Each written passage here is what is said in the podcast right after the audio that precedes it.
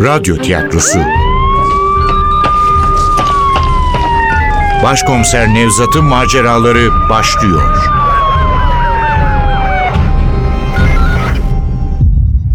Kırlangıç Çığlığı 34. Bölüm Eser Ahmet Ümit Seslendirenler Başkomiser Nevzat Nuri Gökaşan Ali Umut Tabak.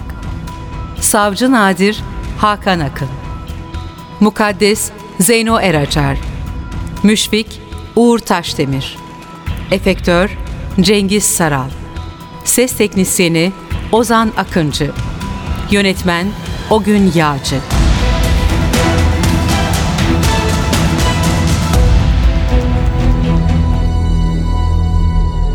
Hayat iyice yavaşlamıştı. Rüzgar usulca esiyordu. Nefti köknar ağaçları ağır ağır dalgalanıyordu suda. Uçları şeker sarısına çalan yeşil otlar ibadet edercesine bir öne bir arkaya eğiliyorlardı. Sadece o tarçın rengi kayalar sapasağlam duruyorlardı oldukları yerde. Dünya camdan bir yere dönüşmüş gibiydi. Rengarenk bir rüya alemine. O anda gördüm ölüm meleğini. Kanatları omuzlarından ayaklarına kadar uzanan koyu mavi bir güzellik. Kendinden geçmişçesine dans ediyordu duru suyun içinde. Kıpırdandıkça kanatlarındaki parlak tüyler iri pullara dönüşüyordu. Işığın altında gök kuşağı gibi yanan mavi pullara. Bütün bu görkeme, bütün bu ihtişama rağmen nedense tarifsiz bir hüzün duyuyorum meleğe bakarken. Derin bir acı, onulmaz bir keder. Kavgacı siyan balığı. Bence yeryüzünün en sert muhteşem yaratığı. Ses tanıdıktı. Adamın sırtı dönüktü. Akvaryuma yaklaşmış, işaret parmağıyla cama dokunuyordu. Tuhaftır, balık da sanki onu tanıyormuş gibi ağzını cama yapıştırmıştı. Adam döndü ve savcı Nadir'in yüzüyle karşılaştım. Kendinden emin, vahşi bir gülümsemeyle bakıyordu bana. O büyülü evren dağılıvermişti. Tavandan sarkan bir avizenin kırmızı ışıklarıyla aydınlanan uzunca bir salonun ortasındaki eski mobilya takımının belki de en yıpranmış koltuğunda otururken buldum kendimi. Cehennem gibi sıcak olan salona iki kapıdan giriliyordu. Ayrıca sol taraftan ahşap bir merdivenle yukarı çıkılıyordu. Belli ki en az iki katlı bir evdi burası. Salonun iki kapısı da açık olmasına rağmen en küçük bir esinti yoktu. İçerideki nemden mi yoksa sıkıntıdan mı bütün bedenim ter içinde kalmıştı. Ama çok daha önemli dertlerim vardı. Hem şu başımda zonklayan ağrıdan hem sıcağın verdiği rehavetten kurtulmalıydım. İlgiyle etrafı incelemeye başladım. Kehribar rengi ahşap duvar sararmış fotoğraflarla doluydu. Genç, güzel bir kadınla yüzbaşı üniforması giymiş bir adam ortalarına aldıkları sevimli bir çocukla bakmışlardı kameraya. Öteki fotoğraflarda da büyümeyi sürdürüyordu çocuk. Ta ki bizim savcı oluncaya kadar. Ama duvardaki en büyük fotoğraf Nadir'in askerdeyken çekilmiş komando kıyafetli fotoğrafıydı. En fazla bununla gurur duyuyordu. Kayalıkların üzerinde elinde kocaman piyade tüfeğiyle adeta bir kartal gibi poz vermişti. Fotoğrafa bakarken görüntü silikleşmeye başladı. Fenalaşıyordum yine. Gözlerimi kapadım. Bir süre öyle kaldım. İyi misiniz? Başkomiserim iyi misiniz? İyi değildim. Kafamda bir ağırlık vardı. Yüzümün sol tarafı zonkluyordu. Kollarımı oynatmak istedim, başaramadım. Bileklerim iki ayrı kelepçeyle oturduğum koltuğun ahşap kolçaklarına bağlanmıştı. Gözlerimi yeniden açtım. İnadına baktım suratına. İyiyim. Çok iyiyim. Sevindim. Sevindim iyi olduğunuza. Size vurmak zorunda kaldığım için özür dilerim. Umurumda bile değildi yalancı nezaketi. Bakışlarım yine akvaryuma kaymıştı. Bu kez balık değil, akvaryumun içi ilgimi çekmişti. Evet, her santime düşünülerek özene bezene dizayn edilmiş, o yeşilliklerle küçük korular, kayalıklar, kumsallarla dolu akvaryum gerçek bir sanat eseri gibi olmuştu. Lacivert balıksa o sanat eserinin mucizesi gibiydi. Güzel değil mi başkomiserim? Ama sadece güzel değil. Aynı zamanda bilge bir balık. bilge mavi balık. Bakmayın güldüğüme. Gerçekten de kendi yaşam felsefesi var. Başka kimseyi istemez dünyasında. Hiçbir erkek balığı yaşatmaz yanında. Dişilerle de sadece döllenme için buluşur. Ama sorumluluk sahibidir de. Yumurtadan çıkan yavrularını korur, büyütür, sonra yalnızlığına geri döner. O kutsal yalnızlığına. Sizin gibi mi? Kendinizi mi anlatıyorsunuz? Benim gibi, aynı zamanda sizin gibi, herkes gibi, bütün insanlar gibi. Kendimi değil, insanlığı anlatıyorum. Savcı Nadir konuşuyorken bana da öteki kurbanlarına verdiği şu ilaçtan zerk etmiş olabileceğini düşündüm. Öyle olsa konuşamazdım. Yine de ellerimi hareket ettirmeye çalıştım. Kelepçeler bileğimi fena halde sıksa da parmaklarımı oynatabiliyordum. Merak etmeyin, size ilaç vermedim. Bunlar olsun istemezdim. Sahiden büyük saygım var size. İşini iyi yapan herkese saygı duyarım. Beni bulmasaydınız başınıza bunlar gelmezdi. Tamam, evin girişine döşettiğim o kırmızı toprak parçacıkları konusunda özensiz davrandığımı kabul ediyorum. Bağışlanmayacak bir hataydı. Ama sizin arabama bineceğinizi nereden bilebilirdim? Kötü bir rastlantı. Aslına bakarsanız bu dava rastlantılar üzerinde yükseliyor. Şu Alper'in de hakkını yemeyelim. Birkaç hata dışında iyi plan yapmıştı. Ama taklit ettikleri katilin bu davanın savcısı olabileceği nereden akıllarına gelirdi? O yüzden evlerine gittiğimde benden kuşkulanmadılar. Kolayca öldürdüm ikisini de. Zekai başkomiser için de üzgünüm. Ona da saygı duyardım. Öldürmeyi istemezdim. Evine gitme nedenim de buydu. Emin olmak. Eğer körebe olduğumu fark etmeseydi hiçbir zarar vermeyecektim. Ama daha kapıyı açtığında emin oldum benim körebe olduğumu bildiğinden. Elbette belli etmemeye çalıştı. Misafirperver bir ev sahibi gibi içeri aldı. Kendi aklınca oyalayacak, şüphelenmediğimi kanıtlamaya çalışacak, en savunmasız anımda yakalayacaktı beni.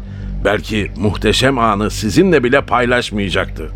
Biliyorsunuz, hayatının avıydım. Ama beni yeterince tanımamıştı. Deyim yerindeyse hafife almıştı.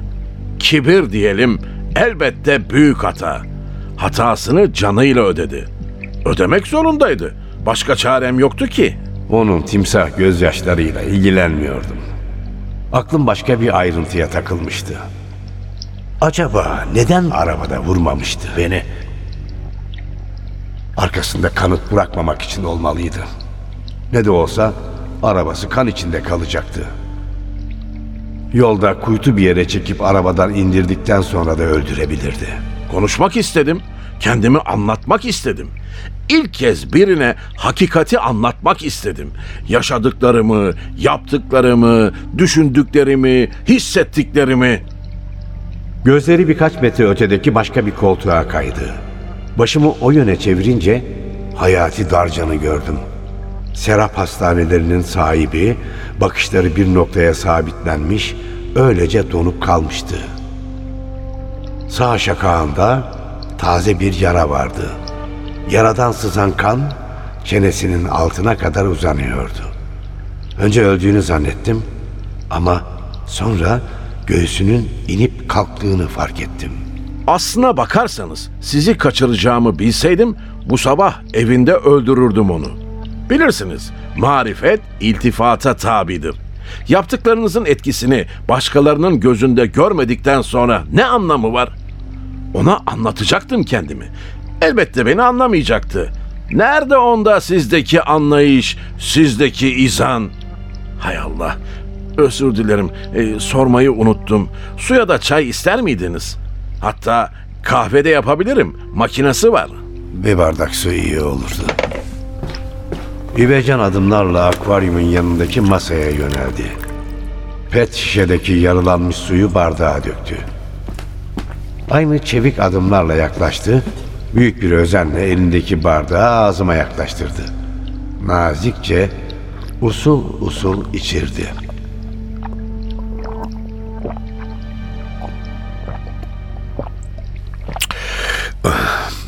Teşekkür ederim. Zahmet oldu. Rica ederim. Afiyet olsun başkomiserim. Sizin gibi insanlar kalmadı artık. En zor anlarda bile zarafetinizi kaybetmiyorsunuz.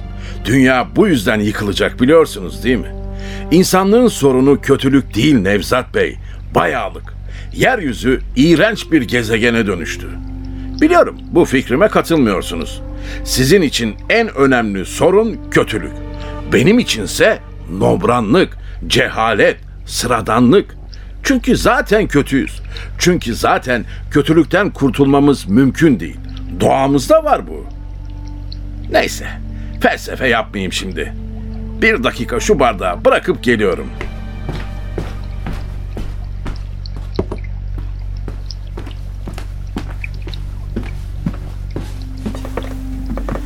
Eminim merak içindesiniz başkomiserim. Eminim benim gibi birinin bu kadar acımasız bir katile nasıl dönüştüğünü anlamaya çalışıyorsunuz. Hayır, nasıl dönüştüğünüzü merak etmiyorum. Belki de hiç dönüşmediniz. Belki hep böyleydiniz. Belki berbat bir çocukluğunuz oldu. Belki de çok sevildiniz ama doğuştan kötüydünüz. İyi bir insan bunları yapamaz çünkü. İyi tahmin yürütüyorsunuz ama hiçbirini tutturamadınız. Gerçek kitaplarda yazılanlardan, bütün o karmaşık teorilerden çok daha basittir başkomiserim. Kötülük zaten içimde vardı. Evet, sizde olduğu gibi. Bir olay bunun kafama dank etmesini sağladı diyelim. Yani bir başka deyişle kendimin farkına vardım. Haklısınız.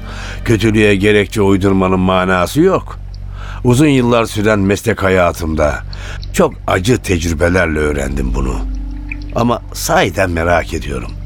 Eli kanlı bir katil olmadan önce nasıl biriydiniz savcı bey? Sorgu teknikleri ha? Yapmayın Nevzat Başkomiserim. Buna hiç gerek yok. Zaten her şeyi anlatacağım. Merak etmeyin. Kendimi rahatlatmak gibi bir amacım da yok. Haklı olduğumu biliyorum. O yüzden asla yalan söylemeyeceğim. Sizinle dertleşmek istiyorum. İki dost gibi değil, hayatı tanıyan iki insan gibi. İnanın bana bu çok kıymetli bir şey. Hayati bizi işitiyor biliyorsunuz değil mi? Ama bu güzel sohbeti dinlemeyi hak etmiyor. Özür dilerim. O bizi dinlerken konuşamam. Yüzünü buruşturarak yavaşça kalktı iskemleden masaya yürüdü. O anda fark ettim masanın üzerinde iki kara leke gibi duran iki silahı. İlki benim silahımdı. İkincisi onun. Kendi tabancasını aldı. En küçük heyecan belirtisi göstermeden Hayati'ye yöneldi.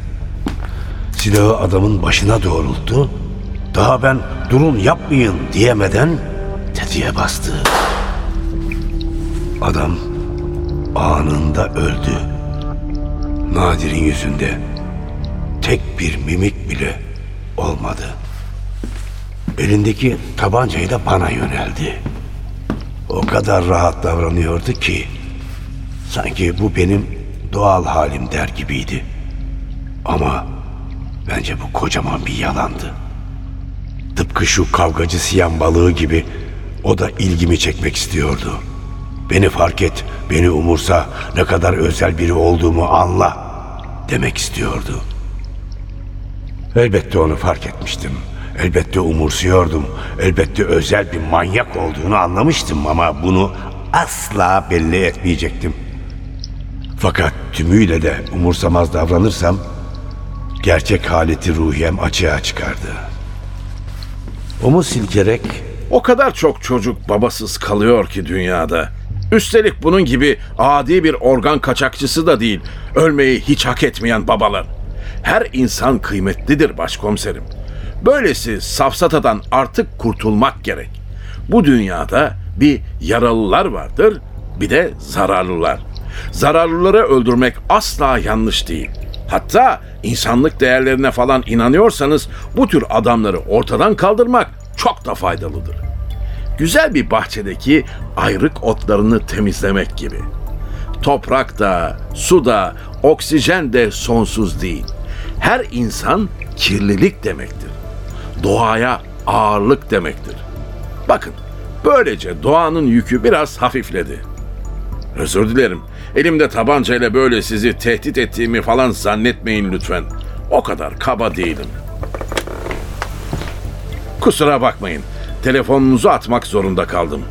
Zeynep de Ali hiç durmadan arıyorlardı. Ali'ye değil de Zeynep Hanım'a cevap vermek isterdim doğrusu. Ama takdir edersiniz ki benim açımdan aptallık olurdu. Ayrıca cep telefonunuzdan yerimizi de tespit edebilirlerdi. O yüzden yolda attım gitti. kendi telefonunu ve silahını cebine koyarken bizimkilerin araması iyiye işaret diye düşündüm. Demek beni merak etmeye başlamışlardı. Bakışlarım karşıdaki saate kaydı. 22.32'yi gösteriyordu. Savcıyla 20 gibi karşılaşmış olsak yaklaşık iki buçuk saat geçmişti. Beni bulmaları için zamana ihtiyaçları olacaktı. Bu sohbeti mümkün olduğunca uzatmakta yarar vardı. Başımla onun cebini işaret ettim. 12 tacizciyi bu tabancayla mı öldürdün? Evet, bununla. Babamın beylik silahı. Yüzbaşıydı rahmetli. Ben iki yaşındayken şehit olmuş. Şırnak'ta teröristlerin kurduğu bir pusuda. Daha önce kimseyi öldürdü mü bilmiyorum ama Zekai Başkomiseri, 3 sahtekarı ve 13 tacizciyi ortadan kaldırdı bu silah. 13 tacizci mi? Bilmediğimiz bir kurban daha mı var? İlk tacizciyi ben öldürmedim. Keşke yapabilseydim ama yapamadım. İlk tacizciyi annem öldürdü. Doktor Mukaddes Hanım. Çok iyi bir anneydi. Çok iyi bir doktor ve çok iyi bir insan. Dünyanın en karakterli kadını. Kendine ve oğluna zarar verenleri asla bağışlamayacak sağlam bir insan. Keşke onun gibi olabilseydim. Babamdan çok cesur bir adamdı diye bahsederler. Ama benim gerçek kahramanım annemdi. Ne aşk, ne aile, ne gelecek onu engelleyebildi. Hiçbir zaman zayıf davranmadı. Hep güçlüydü. Öyle de kaldı. Hayatım boyunca onun gibi olmaya çalıştım. Ne dersiniz? Galiba başardım ha? Daha önce de söylediğim gibi geçmişte nasıl biri olduğunuz hakkında hiçbir fikrim yok ki. Neyi başardığınızı nereden bileyim? Anladığım kadarıyla annenizden bir şikayetiniz yok. Belli ki sevgiyle büyütülmüşsünüz. çok büyük bir sevgiyle. Annem tapardı bana. Küçük yaştayken babamın ölümünü saymazsak aslında büyük bir mutsuzluk yaşamadım. Onun yerini de üvey babam Müşfik Bey doldurdu zaten. Müşfik Bey de o kadar sevdi ki beni sonunda annemle karıştırır oldu. Kim bu münasebetsiz? Zeynep, sizin kriminoloğunuz arıyor. Niye ki? En son kiminle görüşeceğimi söylemiştim. Öyle mi söylediniz? E olsun. Ama bana ulaştığınızı bilmiyorlar değil mi? Siz geldiğinizde ben çoktan çıkmıştım Adalet Sarayı'ndan. E, sonuçta odada buluşmadık. Kim kanıtlayabilir ki? Ama arabamı Ardiye'nin otoparkında bulacaklar. Bu gece yerini değiştiririm olur biter. Yapmayın eninde sonunda yakayı ele vereceksiniz. Yanılıyorsunuz başkomiserim. Bugüne kadar yakalanmadım. Bundan sonra hiç yakalanmam. Şimdi Zeynep Hanım'la konuşmam gerek. Yoksa benden şüphelenecekler. Ama izin verirseniz dışarıda konuşacağım. Sizinle konuşmaya dahil olmanızı istemem.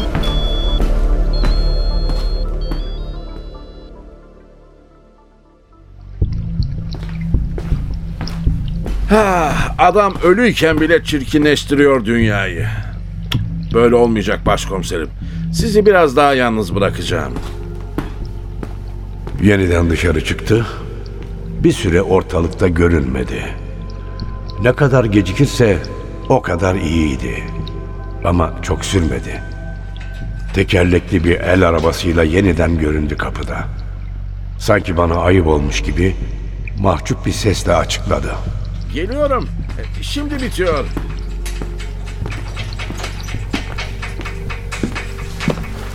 Güçlü kollarıyla Hayati'nin cesedini kolayca sürükleyerek arabanın üzerine koydu. Öteki kurbanlarını nasıl taşımış olabileceğini gözlerimle görüyordum. Arabayı itekleyerek yeniden dışarı çıktı. Umarım cesedi gömmeye kalkışır diye geçirdim içimden. Dakikalar geçiyor, körebe kapıda görünmüyordu. Gözlerimi kapıya dikip ne kadar oyalanırsa o kadar iyi diyerek bekledim. Ama onun çıktığı kapıya bakarken Nadir'in sesi arka taraftan geldi. Kusura bakmayın biraz uzun sürdü. Minibüse yüklemek biraz sorun oldu. Eşek ölüsü gibi ağırdı. Ama artık o pis varlığıyla gecemizi kirletemeyecek. Evet, nerede kalmıştık başkomiserim? Ha, evet. Zeynep'i aradım. Şu herifin leşini minibüse koymadan önce merakını giderdim. Sizi görüp görmediğimi sordu. Akşam erken çıktım. Nevzat Bey geldiyse de beni bulamamıştır dedim. Kafasına yatmadı tabii. Telefonla aramadı mı diye üsteledi. Aramadı. Bir yerlere takılmış olmalı dedim. Ekiplere bildirsek mi diye telaşlandı. Hemen paniklemeyin. Başkomiser Nevzat'tan söz ediyoruz. Ona bir şey olmaz. Biraz daha bekleyelim dedim. İkna oldu. Belki de Tatavla'ya gitmiştir. Evgenya Hanım'ın yanına diye tahminde bulundu. Orayı arayalım diye umutlandı. Ben de arayın dedim. Konu kapandı. Biraz olsun rahatlamıştım. Bizimkiler savcının yalan söylediğini anlamış olmalılardı. Artık beni bulmaları an meselesiydi. Onu oyalamalıydım. Nadir yanıma gelirken başımla masanın üzerindeki sürahiyi gösterdim. Biraz daha su alabilir miyim? Derhal getiriyorum.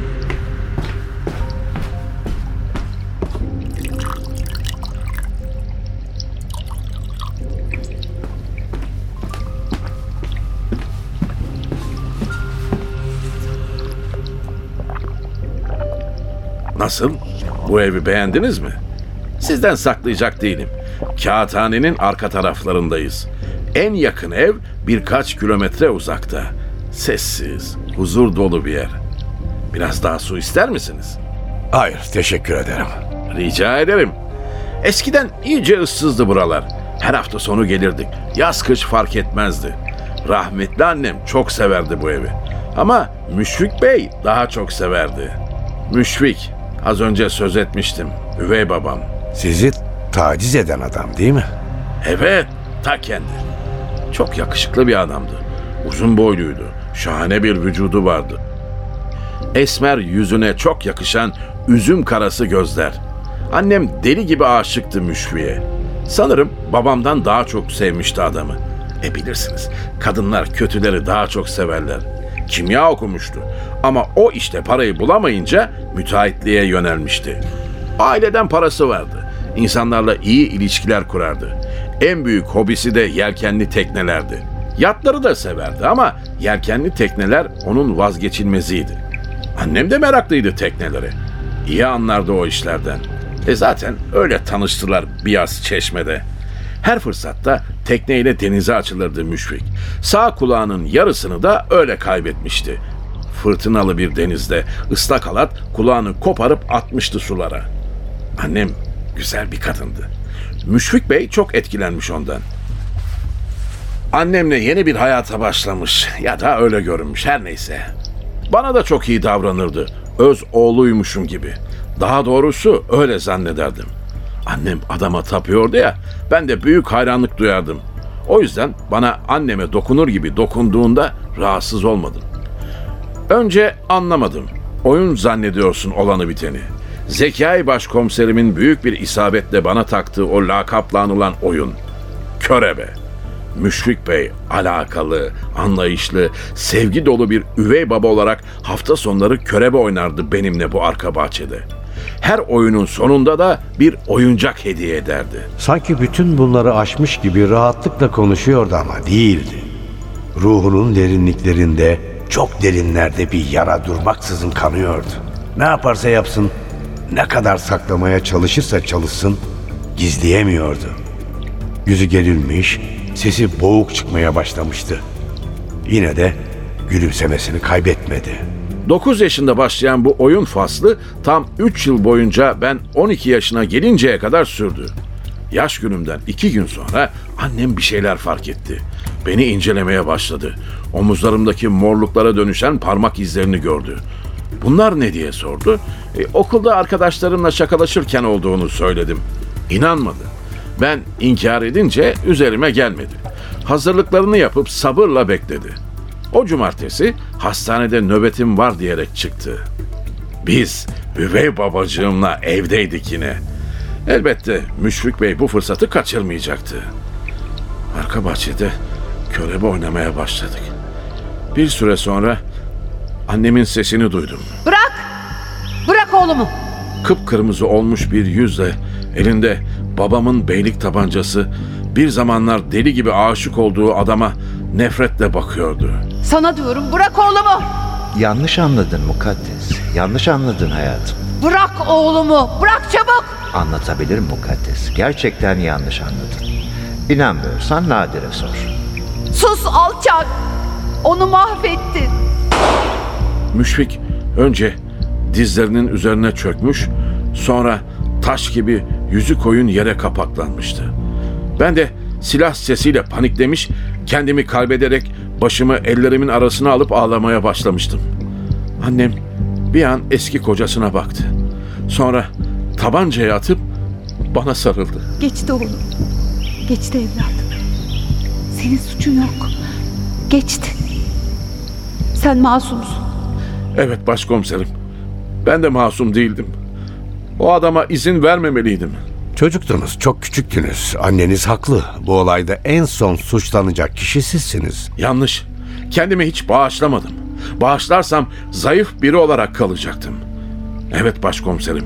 Bu dünyada haklı olmak, adil olmak, ahlaklı olmak hiçbir işe yaramaz. Güçlü, cesur ve acımasız olacaksın. Başka türlü ayakta kalamazsın. Başaramazsın. Ee, başardınız mı? Hı? Güçlü, cesur ve acımasız biri oldunuz mu? Uzun sürdü. Çok uzun. Annem psikoloğa götürmedi beni. Cinayeti anlatmamdan çekiniyordu. Bizzat kendi ilgilendi. Çok çabaladı. Daha çok sevmeye başladı beni. Daha çok şefkat gösterdi. Böylece beni iyileştireceğini, travmayı ortadan kaldıracağını zannetti. Ama tümüyle yanlıştı. Oysa eleştirseydi, suçlasaydı, hatta cezalandırsaydı daha iyi olurdu. İnsan kendi yanlışıyla yüzleşmeli. Benim kendimi toplamamda muhtemelen annemin şefkatinden çok o gün duyduğum utanç işe yaradı. O duygu beni güçlü kıldı. O duygu sayesinde yeniden hayata başlayabildim. Yıllar sürdü. Çok uzun yıllar. Ama sonunda başardım. Başkalarını öldürerek mi? Bu kadar basit mi? Aynen öyle. Bu kadar basit. Evet. Başkalarını öldürerek. Çocuk tacizcilerine, hı? Hak edenlere, hı? Ölmesi gerekenler diyelim. Mesela 2012 yılında öldürdüğüm 12 kişiyi tanımıyordum. Bana doğrudan bir kötülükleri olmamıştı. Ama onları öldürmek zorundaydım. Çünkü yıllar önceki o travmadan kurtulmamın bu cinayetlerle mümkün olacağına inanmaya başlamıştım. Bu fikri kafama sokan da seri katillerle ilgili bir filmdi. Öyle bildik şahane bir film falan da değildi. Vasat bir Amerikan filmi. Yıllar önceki korkaklığımı 12 farklı cinayetle telafi etmeye çalıştım. Tacizcileri kaçırdım. Bu evin arka bahçesine getirdim. İlaç verip uyuşturdum. Gözlerini kırmızı bir kadife kumaşla bağladım. Babamın beylik silahıyla annemin müşfiyi öldürdüğü gibi vurarak öldürdüm. Onları çocukların bulunduğu mekanlara bıraktım. Her körebe oyunundan sonra tacizcimin bana verdiği hediyeleri hatırlatması için cinayet mahalline birer oyuncak bıraktım. Ve öldürdüğüm kişileri müşviye çevirmek için sağ kulaklarının yarısını kestim. Bütün bunları yaparken 12 sayısına vurgu yaptım. Çünkü tacizcim ben 12 yaşındayken öldürülmüştü. Bildiğiniz gibi 2012 senesinde 12 cinayet işledim. Cinayet işlediğim günlerin sayısı da 12 idi. Cinayet işlediğim ayların sıralaması da 12 sayısını veriyordu. Zekai Başkomiserin tespit ettiği gibi oyuncakların barkodlarına da toplamları 12 sayısına ulaşacak rakamlar yazdım. Bir işe yaradı mı bari? Mutlu olabildiniz mi? Elbette. Eğer onları öldürmeseydim utanç içinde, ezik, kendine saygısını yitirmiş biri olarak kalacaktım. Tuhaf duygulardı. Hoşuma gidiyordu. Önce ürktüm böyle bir duyguya kapıldığım için. Sonra bıraktım kendimi. Sahi başkomiserim, siz de öldürmüş olmalısınız. Siz böyle duygular yaşamadınız mı? Birini öldürmek bizi katil yapar. Bu duygulardan haz almak ilkelliktir. Ben de onu diyorum başkomiserim. İlkel olan saftır, masumdur. 12 kişiyi öldürdükten sonra durdum. Tam 5 yıl boyunca kimseyi öldürmedim. Ama biliyorsunuz, benim yerime onlar öldürmeye başladılar. İşte bu kabalığa, hoyratlığa, bu israfa dayanamadım. Eserimi mahvedeceklerdi. Evet başkomiserim, bu yüzden geri döndüm. Nadir bunları anlatırken fark ettim ki körebe olarak dönüşümünü henüz tamamlayamamıştı. Beş yıl önce 12 kişiyi katlederek bir tür intikam almış, öldürmeyi öğrenmiş, yitirdiği güven yerine gelmişti. Ama cinayetleri sürdürmeyi düşünmüyordu. Belki de kendisiyle mücadele ediyordu. Ama onu taklit edenler içindeki kan dökücüyü yeniden uyandırmışlardı. Zihnim bu tahminleri yaparken zaman daralıyordu. Uzatmak için sordum. Peki müşfiğin cesedi ne oldu? Adamı kimse arayıp sormadı mı? Annemi hafife almayın Nevzat Bey. Müşfiğin tekne tutkusundan söz etmiştim. Öldüğü günlerde İstanbul'un meşhur lodoslarından biri patlamıştı. Annem tekneyi denize sürüklemiş. Ertesi gün karakola gidip kocam denize açılmıştı, geri dönmedi dedi. Aramalar, taramalar, soruşturmalar. Tekne Kalamış açıklarında karaya vurmuş olarak bulundu. Ama müşfiğin cesedine hiçbir zaman ulaşılamadı. Ama size söylememde bir sakınca yok. Şu kapının yanındaki nar ağacının altında yatıyor. Ha, ne yazık ki bu gecenin sonunda sizin yatacağınız yerin çok yakınında. Sizi öldürmeyi hiç istemezdim ama buna mecburum biliyorsunuz. Değilsin. Aksine öldürürsen ruhundaki parçalanma derinleşecek. İnsan kendiyle yüzleşmeli dedin. Haklısın. Ama önce kendin yüzleşmelisin. Sen normal değilsin Nadir. Travman geçmiş değil. Ama iyileşebilirsin. Başkalarını öldürerek değil, hayata başka gözle bakarak, yeniden başlayarak. Duydun mu balık? Yeniden başlayarakmış. Duydun mu? Nevzat Bey yeniden zayıflığı öneriyor. Bırak ötekiler seni eşsinler diyor. Bu kadar muhabbet yeter başkomiserim. Vakit tamam. İlk kez o anda fark ettim ölebileceğimi. Ne yani? Yolun sonuna mı gelmiştik? Nadir için öyle olduğu kesindi. Bakışlarını kaçırdı, sağ elini cebine soktu, silahı çıkardı. Bekle, bekle bir isteğim var. Madem ki öldürmek sana zevk veriyor, gözlerime bakarak çek tetiği. Tamam. Nasıl isterseniz. Karşıma geçti. Silahın namlusunu alnıma doğrulttu. Gözlerimi yüzüne diktim. Bakışlarını kaçırır gibi oldu. Sonra cesareti yerine geldi. Size yalan söylemiyorum başkomiserim. Ben kendimi, derinlerdeki kendimi tanıdım. Bir an öylece bakıştık. Yo, tetiği çekecekti. Bundan emindim. Buna hiç şüphe yoktu. Galiba buraya kadardı. Galiba her şey bitiyordu. Evgenya'yı düşündüm. Aziz'i yanına alacak olmasına sevindim. İyi bir teselli olurdu ona. Aklımdan bunlar geçerken Ali'nin sesi gürledi salonun içinde. At! At o silahı elinden! Sevinçten titredim oturduğum koltukta. Yetişmişti bizimkiler. Öylece kaldı savcı. Sonra istifini hiç bozmadan yardımcıma döndü. Ali komiserim sizsiniz ha? Elbette siz olacaktınız. Kim bilir başkomiseriniz çaktırmadan ne numara çevirdi de yanımda olduğunu bildirdi size. Silahını at! Sana söylüyorum silahını at yoksa ateş ederim. Ne alaycı gülümsemesini yitirdi Nadir ne de sıkıca kavradığı silahını indirdi. Sadece beni önüne alarak yanıma geçti. Namluyu şakağıma dayadı. Hiç zannetmiyorum. Tetiği çektiğiniz anda başkomiserinizi vururum. Hadi buyurun. Önce siz ateş edin. Siz silahınızı indireceksiniz Ali komiserim. Yoksa Nevzat başkomiser ölür. Yardımcım bir an silahını indirecek gibi oldu. İşte o an Nadir bu fırsatı kaçırmadı ve çevik bir hareketle tabancasını yardımcıma çevirerek ateş etti. Ali de tetiğe basmıştı. Alçak! Alçak! Sinirlenmeyin başkomiserim. Yardımcınız kendi kaşındı. Ali yerde kıvranıyordu. Silah bir metre uzağa düşmüştü. Ölmeye hazırlanan bendim. Ali'nin vurulacağı aklımın ucundan bile geçmezdi. İşte bana ağır gelen buydu. Savcı da bunu anlamış olmalı ki işin tadını çıkarmak istercesine ağır adımlarla yardımcıma doğru yürüdü. Sanki ölüm anını bildiren bir saatin tik takları gibi topuklarının ahşap zeminde çıkardığı sesler yankılanıyordu kulaklarımda. Dur! Dur! Dur dedim! Bırak onu! Beni vur!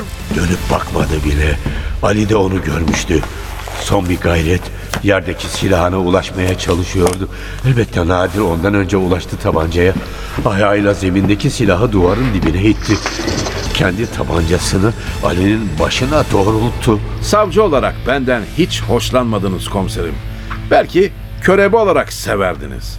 Ne de olsa kanunun yapamadığını yapıyordum. Ama itiraf etmek gerekirse ben hem savcı nadir olarak hem de körebe olarak sizden hiç hoşlanmamıştım. O yüzden büyük bir zevkle çekeceğim tetiği. İşaret parmağı tetiğe uzandı. O korkunç manzarayı görmek istemedim. Gözlerimi kapadım. İşte o anda ardı ardına iki patlama duyuldu. Ama silah sesi arkamdan geliyordu. Gözlerimi açtım. Evet kölebe vurulmuştu. Güçlükle geriye döndü. Pişmanlık dolu bir gülümseme belirdi yüzünde. Zeynep. Kriminolog Zeynep. Bu ekipte en çok korktuğum kişi. Konuşmasına devam edemedi.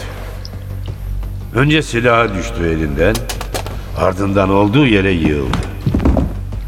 Ah, başımı çevirince kurtarıcı bir melek gibi kapının önünde dikilen Zeynep'i gördüm. Bakışları kurbanın üzerindeydi. Savcı hareketsiz kalınca koşarak yanıma geldi. Beni boş ver. Ali için yardım iste. Ambulans göndersinler. Bir şeyim yok. Bir şey yok Zeynep. Kurşun sıyırdı geçti. Tamam, tamam.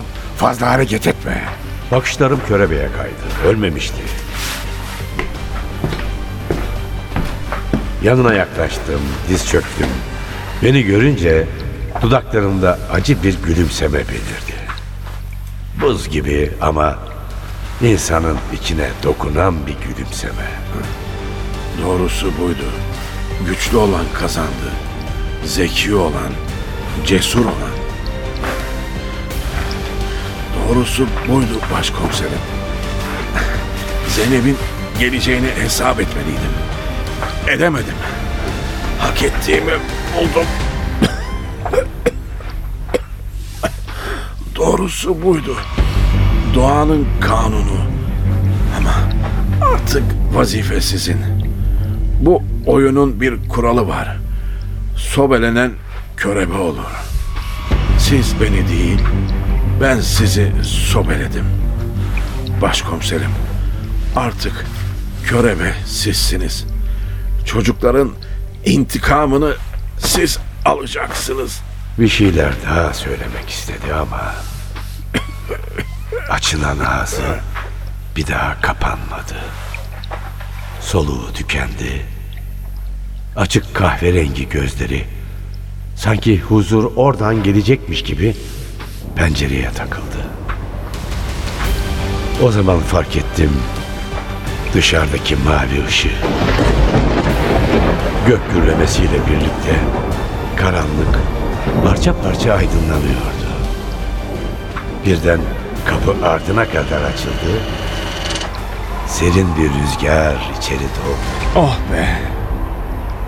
Oh be sonunda yağmur geliyor işte.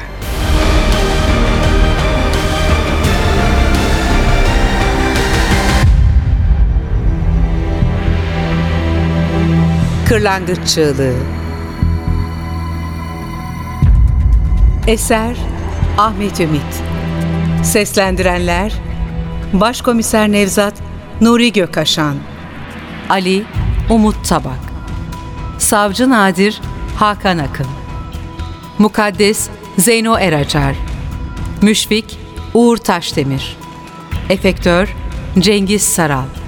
Ses Teknisyeni Ozan Akıncı. Yönetmen Ogün Yağcı